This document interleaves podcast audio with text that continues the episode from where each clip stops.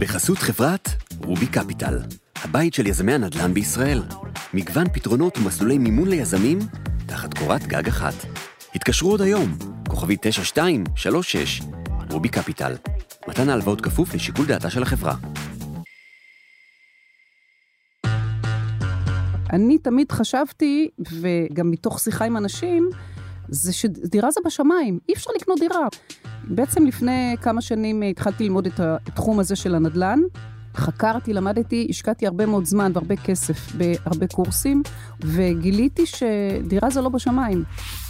הרבה אנשים יושבים על הגדר ומחכים, ויש הרבה מאוד אנשים שאין להם ברירה, הם חייבים למכור. זו הזדמנות מבחינת הקונים, תקופה טובה לקנות. שוב אני אומרת, מי שלא קונה, מי שלא עושה, אין לו. לפני כמה שבועות, אורלי יונאי מיהוד פרסמה פוסט בפייסבוק שהכותרת שלו הייתה דירה, זה ממש לא בשמיים. בפוסט היא תיארה כיצד גל, בתה הצעירה, רכשה ממש לאחרונה דירה להשקעה, אז חייגתי אליה והזמנתי אותה להגיע אלינו ולחלוק עמנו את העובדה הממש לא שגרתית הזו. לשמחתי, היא גם הסכימה. אהלן, אתם ואתם על כסף בקיר, פודקאסט ההשקעות הנדל"ן של גלובס, והיום נדבר על תהליכים ארוכי טווח וכמה חשוב להשקיע מוקדם ככל האפשר ולהתמיד כמו בסיפור שלפנינו, זה עשוי להיות משתלם. נדבר גם על השקעות בנהריה וביוון, שגם לשם הכסף של אורלי הגיע בדרך להשקעות נדל"ן, וגם נשמע על חלק מהתגובות הארסיות, משהו שאורלי קיבלה בעקבות הפוסט שלה, וכיצד היא הגיבה. אז שנתחיל, אורלי, הבמה כולה שלך, ספרי לנו קצת על עצמך. אז שמי אורלי יונאי, אני נשואה לאיציק, מהנדס מכונות, נשואה כבר 30 שנה באוגוסט, שזה הישג בלתי רגיל. אם לשלושה ילדים. פעם ראשונה בוגרים, שלך. כן, ופעם ראשונה one shot. גרה ביהוד, יש לי גם משרד ביהוד. אני סוכנת ביטוח בריאות, חיים, פנסיה והשקעות. והמשרד שלי הוא בעצם סוג של family office, מה שאומר שאני נותנת 360 מעלות שירות בכל תחומי הביטוח והחסכונות. אוקיי, תשמעי, אנחנו נפגשים כאן כי נתקלתי בפוסט שלך, פוסט מאוד מעניין, שהכותרת שלו הייתה, רוצות לרכוש לילד שלכן דירה, דירה זה לא בשמיים. אני לא אקריא את כולו, אבל רק אני אספר uh, את ההתחלה אולי, כשהבת שלי נולדה התחלתי לחסוך לה, פשוט שמתי כל חודש כסף קטן ליום גדול. הכסף הושקע בקופה עם התשואה הכי גבוהה לאורך השנים ועם חשיפה גבוהה למניות, השנים עברו וגל כבר בת 21. חיילת משוחררת טריה, ילדה חרוצה שעובדת במלצרות, ומאחר שגרה איתנו אין לה הוצאות משמעותיות, וכך היא הצליחה לחסוך בשנה האחרונה כ-60 אלף שקלים. רוצות לדעת כמה נצבר בחיסכון ששמתי עבורה, פה יש סימן שאלה, ומי שירצה אה, ימצא את הפוסט שלך. בהמשכו סיפרת איך בעצם עברת איזושהי דרך וקנית דירה, ועניין אותי לפגוש אותך, כי זה בעצם מה שהפודקאסט שלנו, כסף בקיר, עושה. אה, מדבר הרבה עם אנשים שהחליטו להשקיע בסופו של דבר בנדל"ן, כדי להבין למה, איך, להבין את הראש של אנשים. ו, אה, וזה היה קלאסי פשוט. אז הרמתי לך טלפון ואני מאוד מאוד שמח שאת פה היום. אז אני אשמח להבין, קודם כל, למה כתבת את הפוסט הזה? שאלה טובה. אני רוצה קצת לחזור אחורה, אם זה בסדר מבחינתך. ברור. אז קודם כל, אה, גדלתי בבית שאחד הערכים שבו היה חריצות, התמדה וחתירה לשפע בחיים, אבל עם הרבה עבודה קשה. זאת אומרת, נורא הייתי רוצה שזה יהיה בחיים קלים, זה לא. ואני זוכרת שאבא היה מורה, הוא עבד בשתי עבודות כדי לפרנס אותנו. תמיד הוא היה מכין מבחנים, בודק מבחנים, ועבד אפילו לדעתי כנהג מונית אה, בעבודה נוספת. והוא דאג באמת לחסוך לנו, לכל הילדים. כסף, וסביב גיל 24 הוא גם עזר לי לקנות את הדירה הראשונה שלי. עבדתי אז כאשת מכירות בדפי זהב, הייתה לי משכורת אה, כאשת מכירות אה, מצוינת. אה, קיבלתי ממנו סכום כסף ראשוני, לקחנו משכנתה אחרי שחיפשנו דירות, ולימים חיסלתי את המשכנתה לאורך השנים, זאת אומרת, הבאתי כסף מכל מיני מקורות של עבודה כמובן, קרן השתלמות וכדומה, והקטנתי את השנים, יש לי, תחושה ש... יש לי תחושה שעוד נגיע לזה, זאת אומרת, אמרת לי את זה גם בטלפון. כן, אבל... רמזת לי שהמשכנתה לא, לא, לא נשארת ל-30 שנה. נכון. מה שחשוב לי להגיד, זה שהדירה הזו, אה, אני אומרת שאני נשואה 30 שנה, זה לפני הנישואים, ויחד עם בעלי, בעצם הדירה הזו אה, היא ממש אה, עוגן, כי זה עוד תוספת של, נדמה לי, משהו כמו 3,000 שקל או בחודש, שנכנסים. וזה משהו שאבא כנראה הקנה לי, ולכן אה, כשביקשת ממני לדבר על הפודקאסט, פתאום קלטתי שזה, שזה גם בא משם.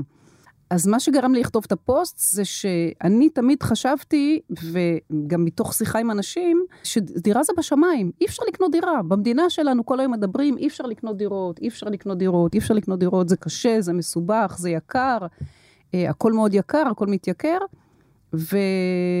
ובעצם לפני כמה שנים התחלתי ללמוד את התחום הזה של הנדל"ן. חקרתי, למדתי, השקעתי הרבה מאוד זמן והרבה כסף בהרבה קורסים. הוצאתי גם רישיון להיות מתווכת, וגם שם אתה לומד לא מעט. וגיליתי שדירה זה לא בשמיים.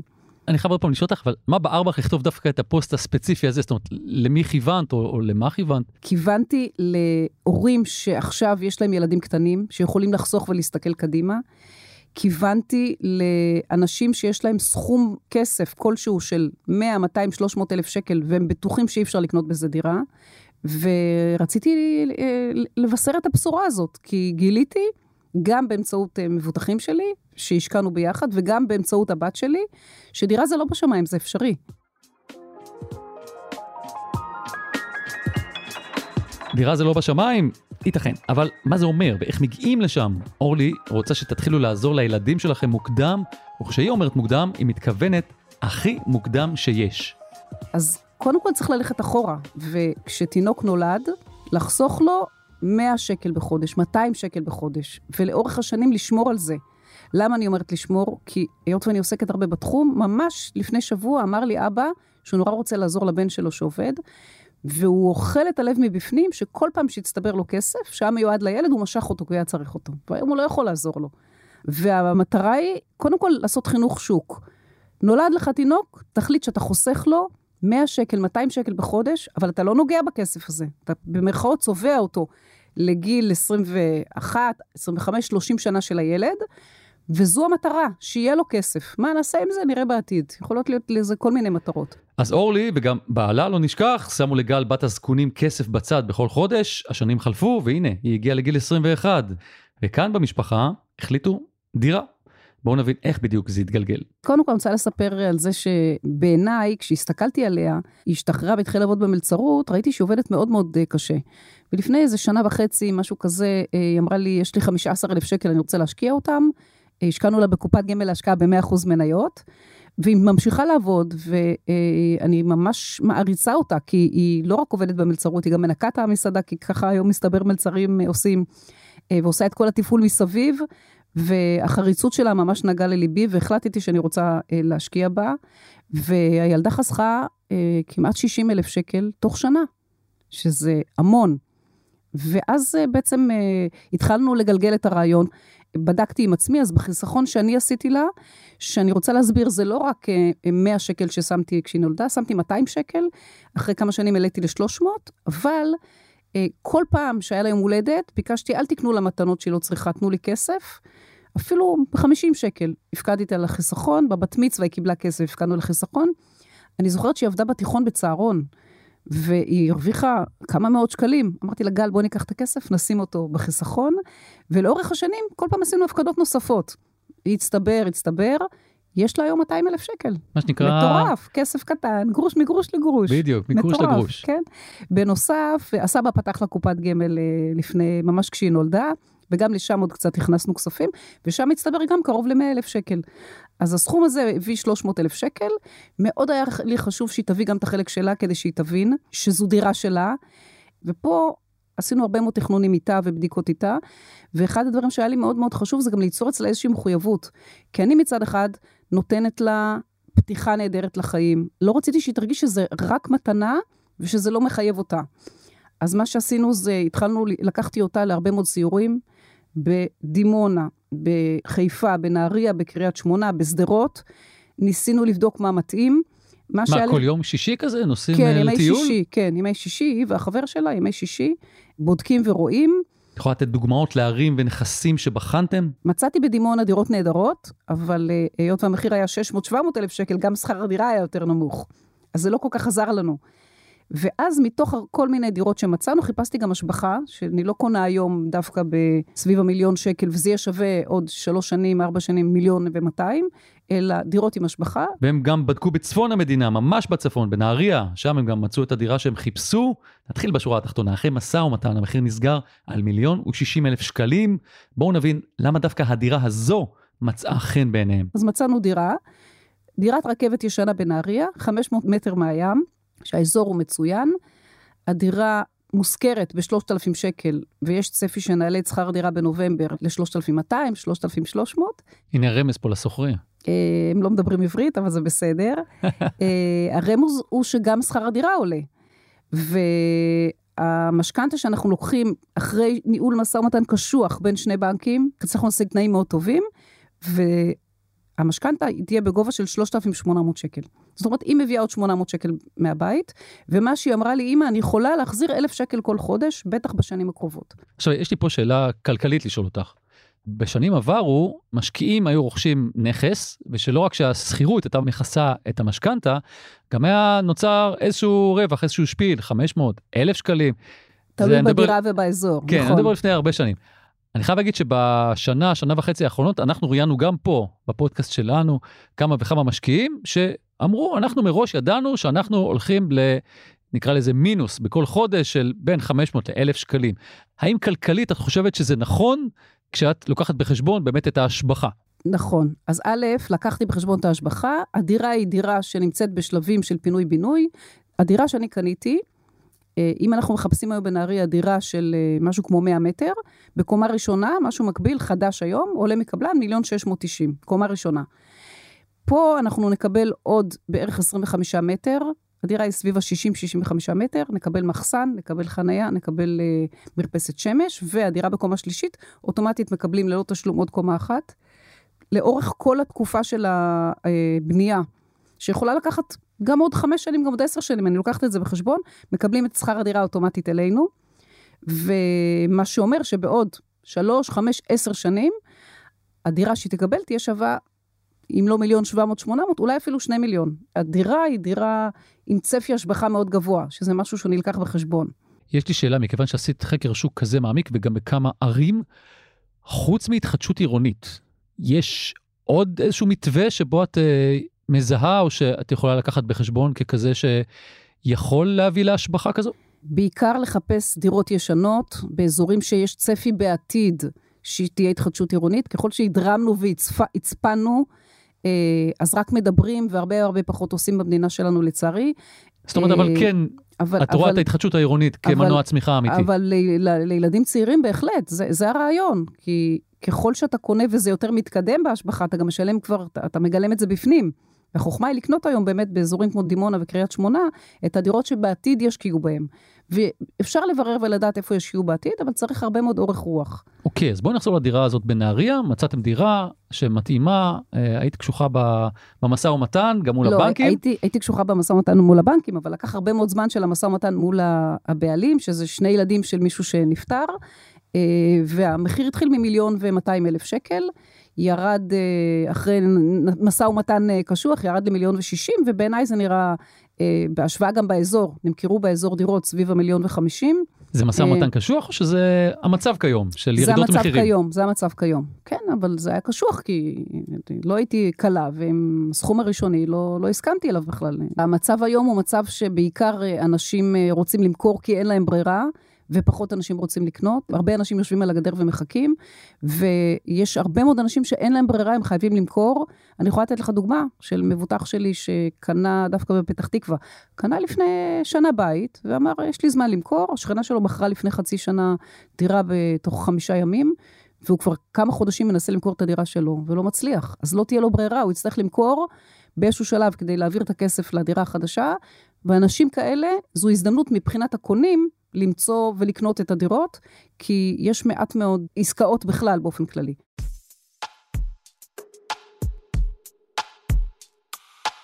אוקיי, אז פה יש לי שאלה שהיא מאתגרת. אמ, למה להשקיע את הכסף בנדל"ן? למה לעשות כל הוואג'רס הזה, לנסוע בכל הארץ, לחפש דירות, להיכנס למשא ומתן עם בעלי הנכס, עם הבנקים, אה, ולעשות כל הסיפורים האלה, יש הרבה ניירת, אה, למרות שאת עובדת בתחום עם הרבה ניירת. אפשר לקנות גם מניות. והזכרת שלאורך השנים, אה, כשאת השקעת את הכסף של הבת שלך, השקעת אותו במניות, וזה עשה בסך הכל תשואה יפה. למה לא לקחת את כל הכסף הזה? ולשכוח ממנו עכשיו גם כן לעשר שנים באיזה מדד S&P או משהו כזה. אנחנו לא יודעים מה יהיה מדד S&P, שנה שעברה הוא התרסק. זה סתם דוגמה, כן? זה יכול להיות... דוגמה uh... מצוינת, מדד נהדר. אם אני לוקחת היום את כל ה-360 אלף שקל וסוגרת אותם במרכאות, או משקיעה אותם במרכאות לעשר שנים במדד S&P, הצפי הוא שיהיה לי כנראה בעוד עשר שנים פי שניים מהכסף. בזכות הריבית דריבית. אם אני קונה בכסף הזה דירה, אני מייצרת פה הרבה מאוד בנפיטים. א', יהיה לי הרבה יותר מפי שניים מהכסף, כי זו דירה שתושבח ותהיה שווה מיליון ושמונה מאות, שזה הרבה יותר מ-360 אלף שקל. ב', אם אני אנהל נכון את המשכנתה, ואני לאורך השנים עשיתי את זה גם עם דירה שאני קניתי, ואם אנחנו נמחזר את המשכנתה כשהריביות ירדו, ומדברים על זה שתוך שנתיים הריביות ירדו, אז גם יהיה אפשר יהיה למחזר את המשכנתה והחזר יהיה יותר נמוך, אז בעצם אה, כלכלית, אני אביא את הילדה שלי בטווח של אותם עשר שנים, עם הון הרבה יותר גדול ועם גב כלכלי הרבה יותר אה, חזק, מאשר אם אני אשקיע כרגע רק במניות. זה היה השיקול שלי. אני משקיע גם את הכסף שלי במניות, אני גם משקיע ללקוחות אה, שלי כספים בקופות גמל להשקעה ותוכניות חיסכון במניות, אבל כל מקרה הוא מקרה אחר. כי כשמישהו יש לו רק 50 אלף שקל והוא צעיר ויש לו טווח ארוך, ואי אפשר פה להשקיע בנדל"ן בסכום ההתחלתי הזה, כן מומלץ להשקיע ב-100% מניות. בגיל מבוגר פחות. במקרה של הילדה שלי, חשבתי על זה, ועשינו את השיקול שהקנייה של הדירה עם ההשבחה, עם ההזדמנות הנהדרת היום שיש היום בשווקים, ואפשר היה לקבל את הדירה במחיר טוב, עם הצפי ועם מה שאנחנו נקבל בעתיד, ועם היכולת שלה היום להחזיר את ההפרש, את ה-800 שקל, ובנוסף, אם אפשר יהיה למחזר בעתיד, וגם לאט לאט להקטין, עם כסף שהיא תעבוד, להקטין את המשכנתאות, עשינו עסקה נהדרת. והכי חשוב, יצרתי אצלה מחויבות. כי הילדה יודעת שהיא לא יכולה עכשיו חודשיים לשבת בבית ולא לעבוד. ואני באתי מבית עובד, וזה אחד מהערכים שלי, החריצות. אז היא, היא, היא תעבוד. והיא יודעת שמשקיעים בה, והיא מאוד מעריכה את זה, והיא יודעת שיש גם את החלק שלה שהוא חשוב. זו מחויבות שרציתי ליצור, וגם לתת לה גב כלכלי. אז את אומרת, יש פה גם uh, עניין uh, ערכי, חינוכי, שבמניות אי אפשר למצוא. נכון, חד משמעית, בהחלט. אני רוצה לשאול אותך עוד משהו, אה, הזכרת לי ככה שאת גם אה, פוזלת אה, לכיוון מעבר לים, לכיוון יוון, ובאמת גם שוחחנו על זה פה בפודקאסט שלנו עם כמה מרואיינים, ויש באמת צפי שבגלל שהמצב פה בישראל, לפחות נכון להיום, יש חוסר ודאות, הרבה יותר אנשים מסתכלים מעבר לים. את יכולה לספר על יוון, שם את, את פועלת, קצת אני... מבט על השוק שם מבחינתך. אז אני בעיקר באתונה, לא, לא בכל יוון, בעיקר באתונה. יש לי כמה מתווכים שאני עובדת איתם באופן צמוד. אה, אפשר לראות שם שיש עליית מחירים מאוד מאוד גבוהה. אני מעריכה של משהו כמו 15, אולי אפילו 20 אחוז בשנה, שנה וחצי האחרונות. המון ישראלים קונים שם, הרבה מאוד, לא רק ישראלים, גם אה, רוסים ועוד אה, מכל העולם. הנדל"ן שם עולה, שכר הדירה לא מאוד עולה. אבל אפשר למצוא שם היום דירות בסביב ה-100 אלף יורו, כשהתשואה שלהם היא בערך 500-550 אה, יורו. צריך להבין את המקום, צריך לדעת איפה קונים. רוב הדירות הן דירות במצב לא טוב, צריך לשפץ אותן, אבל uh, התשואה שם היא יחסית טובה למה שאפשר למצוא בארץ, ומי שכבר קנה בארץ דירה אחת או שתיים, אז uh, מומלץ uh, לעשות פיזור. כמו בכל uh, השקעה בחיים, גם במניות, uh, גם ב, ב, בכל התחום הזה, גם בנדל"ן, מומלץ לעשות פיזור. אז יוון היום היא מקום טוב uh, לא רק באתונה, יש הרבה מאוד אזורים נהדרים שם, ואני מלווה מצד אחד את המתווכים, ומצד אחד גם משקיעים uh, לעשות שם את העסקאות. תגידי, למה דווקא יוון? א', כי אני אוהבת את המקום, ב', יש יתרון ענק לעובדה שאתה יכול בבוקר לקנות כרטיס בעלות של כמה מאות דולרים uh, מעט דולרים, לטוס תוך שעתיים אתה באתונה או סלוניקי, ולחזור בערב אם אתה צריך לעשות איזשהו טיפול. אז אני בעבודה שלי, הרבה פעמים, אה, פה יש לי עוד אנשים שעוזרים לי, אז הרבה פעמים אני גם אה, עושה משהו, גיחות קצרות, או לסוף שבוע קצר. אז הקרבה מאוד טובה, זה עם מאוד מאוד חם, עם אנשים אה, טובים, אנשים נורמטיביים, משפחות צריכות מקומות לגור, צריכות בתים לגור בהם. והמחירים נמוכים יחסית. הייתה להם, אה, ב-2008 היה להם קושי מאוד גדול, והמחירים עדיין לא חזרו לגובה שהם היו, אז השקעות שם יש צפי שהן יהיו טובות, והם עוד יעלו. והדירות שאת מתעסקת איתן זה דירות לשכירות למשפחות או ל-Airbnb למשפחות. כאלה? למשפחות. מעט ל-Airbnb, הרוב זה למשפחות. הרבה מאוד דירות שנפלטו מהבנקים ומכל מיני אה, קרנות, שאנשים לא מסוגלים להחזיר את הכסף, ואז בעצם הדירה יוצאת לשוק. הן ברוב המקרים צריכות שיפוץ, במצב לא כל כך טוב, אז צריך גם ללוות בשיפוצים, בפתיחה גם של חשבון בנק וכל מה שמשתמע מזה, אבל אה, זה בעיקר למשפחות. אין שם כבר בדיחות אה, שחורות על ישראלים שכבר מציפים את המקום? זה לא מטריד מציפים, אותם? מציפים, מציפים, כן. מעניין. מעניין מה המכבים היו אומרים. רציתי לשאול אותך, אם אני חוזר לפוסט שלך, איזה תגובות קיבלת לפוסט? וואו. אז 80% מהתגובות היו כל הכבוד, אימא מעצימה, אימא נהדרת, כל הכבוד על הדרך. 20% מהתגובות היו לא פשוטות. אמרו לי, איך את סוגרת את הילדה שלך וחונקת אותה ל-30 שנה קדימה. מה את עונה לזה? אז אני עונה שאני יודעת לנהל את זה, הילדה גרה בבית, היא עובדת, והיא יודעת לייצר, אם בשנה האחרונה היא יצרה 50 אלף שקל, היא יודעת לייצר כל שנה 50 אלף שקל, שנתיים מהיום המשכנתה יורדת מ-700 ל-600. אז אם ננהל את זה חכם, תלוי באותו מצב, אני לא יודעת מה יהיה, אבל או שאנחנו מקטינים את השנים והיא תמשיך לשלם את אותו סכום, או שאנחנו מקטינים את ההחזר, ואז גם אין לה חוב, אין לה עול. היא חופשייה, אין לה את ה-800 שקל. מצד שני, יש צפי שהריביות ירדו, ואז נעשה מחזור משכנתה ונקל עליה.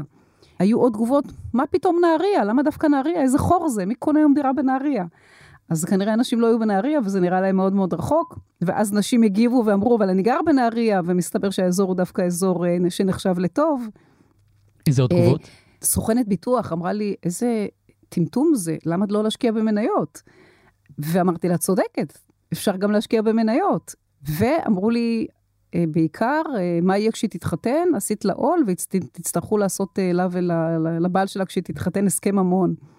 אז זה נראה לי עוד הרבה מאוד שנים, הילדה רק בת 21, וגם אם היא תתחתן, כרגע יש לה חבר מקסים, אה, אז בעצם אני מעצימה גם את הזוג קדימה, החיים יהיו קצת יותר קלים, וזה בעצם מה שעשו ההורים שלי. אני התחלתי את החיים, אה, גם כשעבדתי מאוד מאוד קשה, אבל התחלתי עם עוד, אה, התחלתי עם דירה בגיל צעיר, וזה עזר לי עד היום, עד היום זה עוזר. שוב אני אומרת, מי שלא קונה, מי שלא עושה, אין לו. יש הזדמנות, יש את ההתחלה, הצלחנו לגייס את ה-360 אלף שקל, אמנם היא הביאה רק 60, אבל מבחינתה זה המון, וזה מסר מאוד מאוד גדול לילדה, שאנחנו עושים איתה משהו גדול, אז עכשיו עושים. מה, לחכות עוד שלוש-ארבע שנים כשהיא תתחתן, אם היא תתחתן, לא, לא, לא נראה לי שאני סוגרת אותה בכלל למשהו, להפך, נראה לי שאני מעצימה אותה ו- ועוזרת לה לגדול ולהתפתח. אורלי עוני, אני מאוד מאוד מודה לך שהצטרפת אלינו. תודה. נהניתי מכל רגע, תודה רבה. עד כאן אורלי, ואנחנו לא הולכים לשום מקום לפני שנשמע את אריק מירובסקי, פרשן הנדל"ן הבכיר של גלובס. אהלן אריק.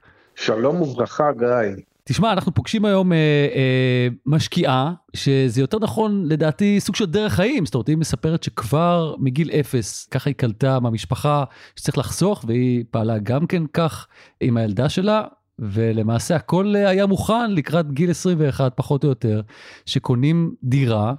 ומאוד מעניין אותי לשמוע אותך, איך אתה מנתח את הצורה הזאת שבה אורלי תופסת את החיים ואת ההשקעות שלה.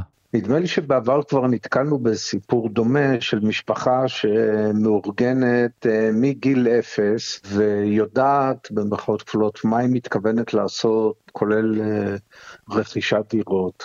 אני ודאי לא יכול להגיד שאני נגד זה. אני כן יכול לומר שהיום, כשאני מדבר על הדור שהוא יותר צעיר מאורלי, יותר ויותר אנשים מוצאים את הצורה הזאת של ההתארגנות והחיים והחסכונות וזה, כצורה שקשה לממש. מה הכוונה? הכוונה היא שההוצאות שלנו גבוהות מאוד, השכר לא מספיק גבוה, וקשה מאוד uh, תסתובב בין uh, משפחות, במיוחד uh, משפחות צעירות, ותמצא שהרבה מהם לא מסתדרים, לא מצליחים להגיע לאיזושהי רמת חיסכון מינימלית או מספקת שתוכל להבטיח לדור הבא דירה. יכול להיות שמה שהיה נכון לפעם, לקנות דירה במחיר יחסית נמוך כבר לא כזה אפשרי לעתיד, זאת אומרת כי היום אנחנו נמצאים במצב שמחירי הדירות מאוד עלו, בשנים האחרונות, גם אם עכשיו אנחנו רואים סימנים של ירידה, אבל זה ממש בינתיים די בשוליים, וגם כמובן כולנו יודעים כבר שמחיר הכסף עלה, הריביות, אז האם היום אפשר גם כן לבצע את התוכנית הזאת, מישהו שהיום נולד לו, מזל טוב, בן או בת, להגיד הנה אנחנו מתחילים ועושים את אותה שיטה כמו של אורלי? אתה יודע מה, אני אענה לך בצורה אחרת. לפני 30-40 שנה, ההתייחסות אה, של הציבור אל המשכנתה הייתה בתור אה, מפלצת שצריך כמה שפחות לקחת, כעת זה גם היום ככה, אבל אתה מדבר על אה, לפני 30-40 שנה, אז לקחת משכנתה של 20 אחוז, 30 אחוז משווי הנכס, היה נחשב למקסימום, אתה יודע, הכי הכי הכי שאתה יכול לקחת, יותר מזה, אל תיקח בחשבון בכלל. היום אנחנו רואים שאנשים לוקחים 50 אחוז ו-60 אחוז ו-70 אחוז אה, משכנתה, ויודעים שהיא תלווה אותם 20-30 אה, שנה. אז אתה מבין כבר שהעולם הנדל"ן בישראל השתנה מהקצה לקצה, לא רק מההיבט של המשכנתה, אלא בכלל בכל הנושא הזה של הוצאות דיור. למה אתה חושב והיום... שזה קרה? זאת אומרת, למה, למה היום אנחנו לא חוששים לקחת סכומים כאלה גבוהים לעומת העבר? אני חושב שיש פה שני, שני אלמנטים. ראשית כל אין לנו ברירה.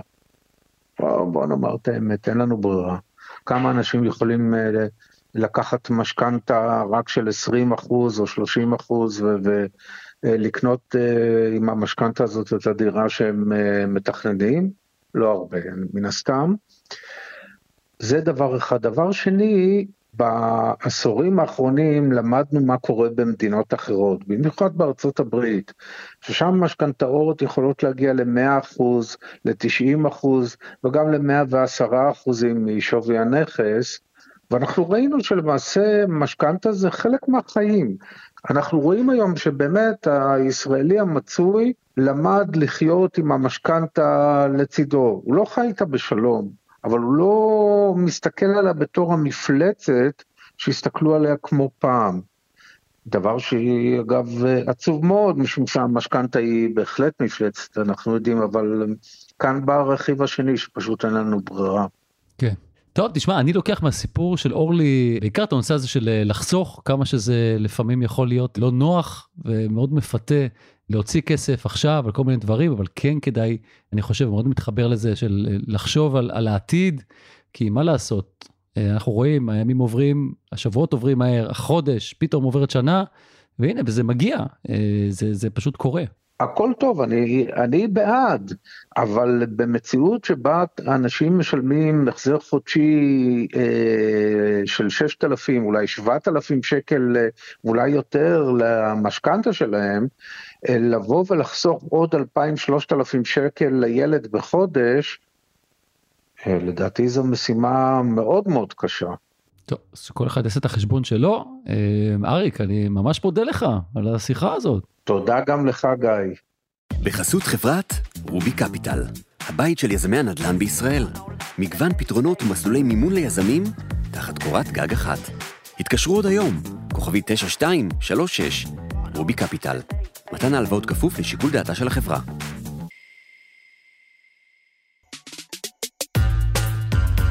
זהו, עד כאן הפרק שלנו להיום, ונזכיר שעשרות פרקים מעולים נוספים שלנו זמינים לכם בכל אפליקציות הפודקאסטים. כרגיל, אם תרצו לפנות אליי בכל נושא וגם לשתף בסיפור ההשקעה שלכם, דברו איתי, ניתן לפנות אליי בפייסבוק או בטוויטר, אפשר גם באינסטגרם, אפשר גם דרך כתובת המייל שלנו, כסף.בקירד, אותיות באנגלית כמובן.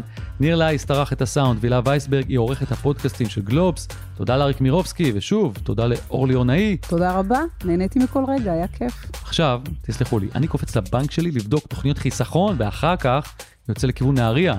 נראה לי שהמוכרים שם לחוצים במיוחד, ושאפשר לסגור על דירה במחיר ממש ממש טוב, או שלא. אני גיא ליברמן, ביי.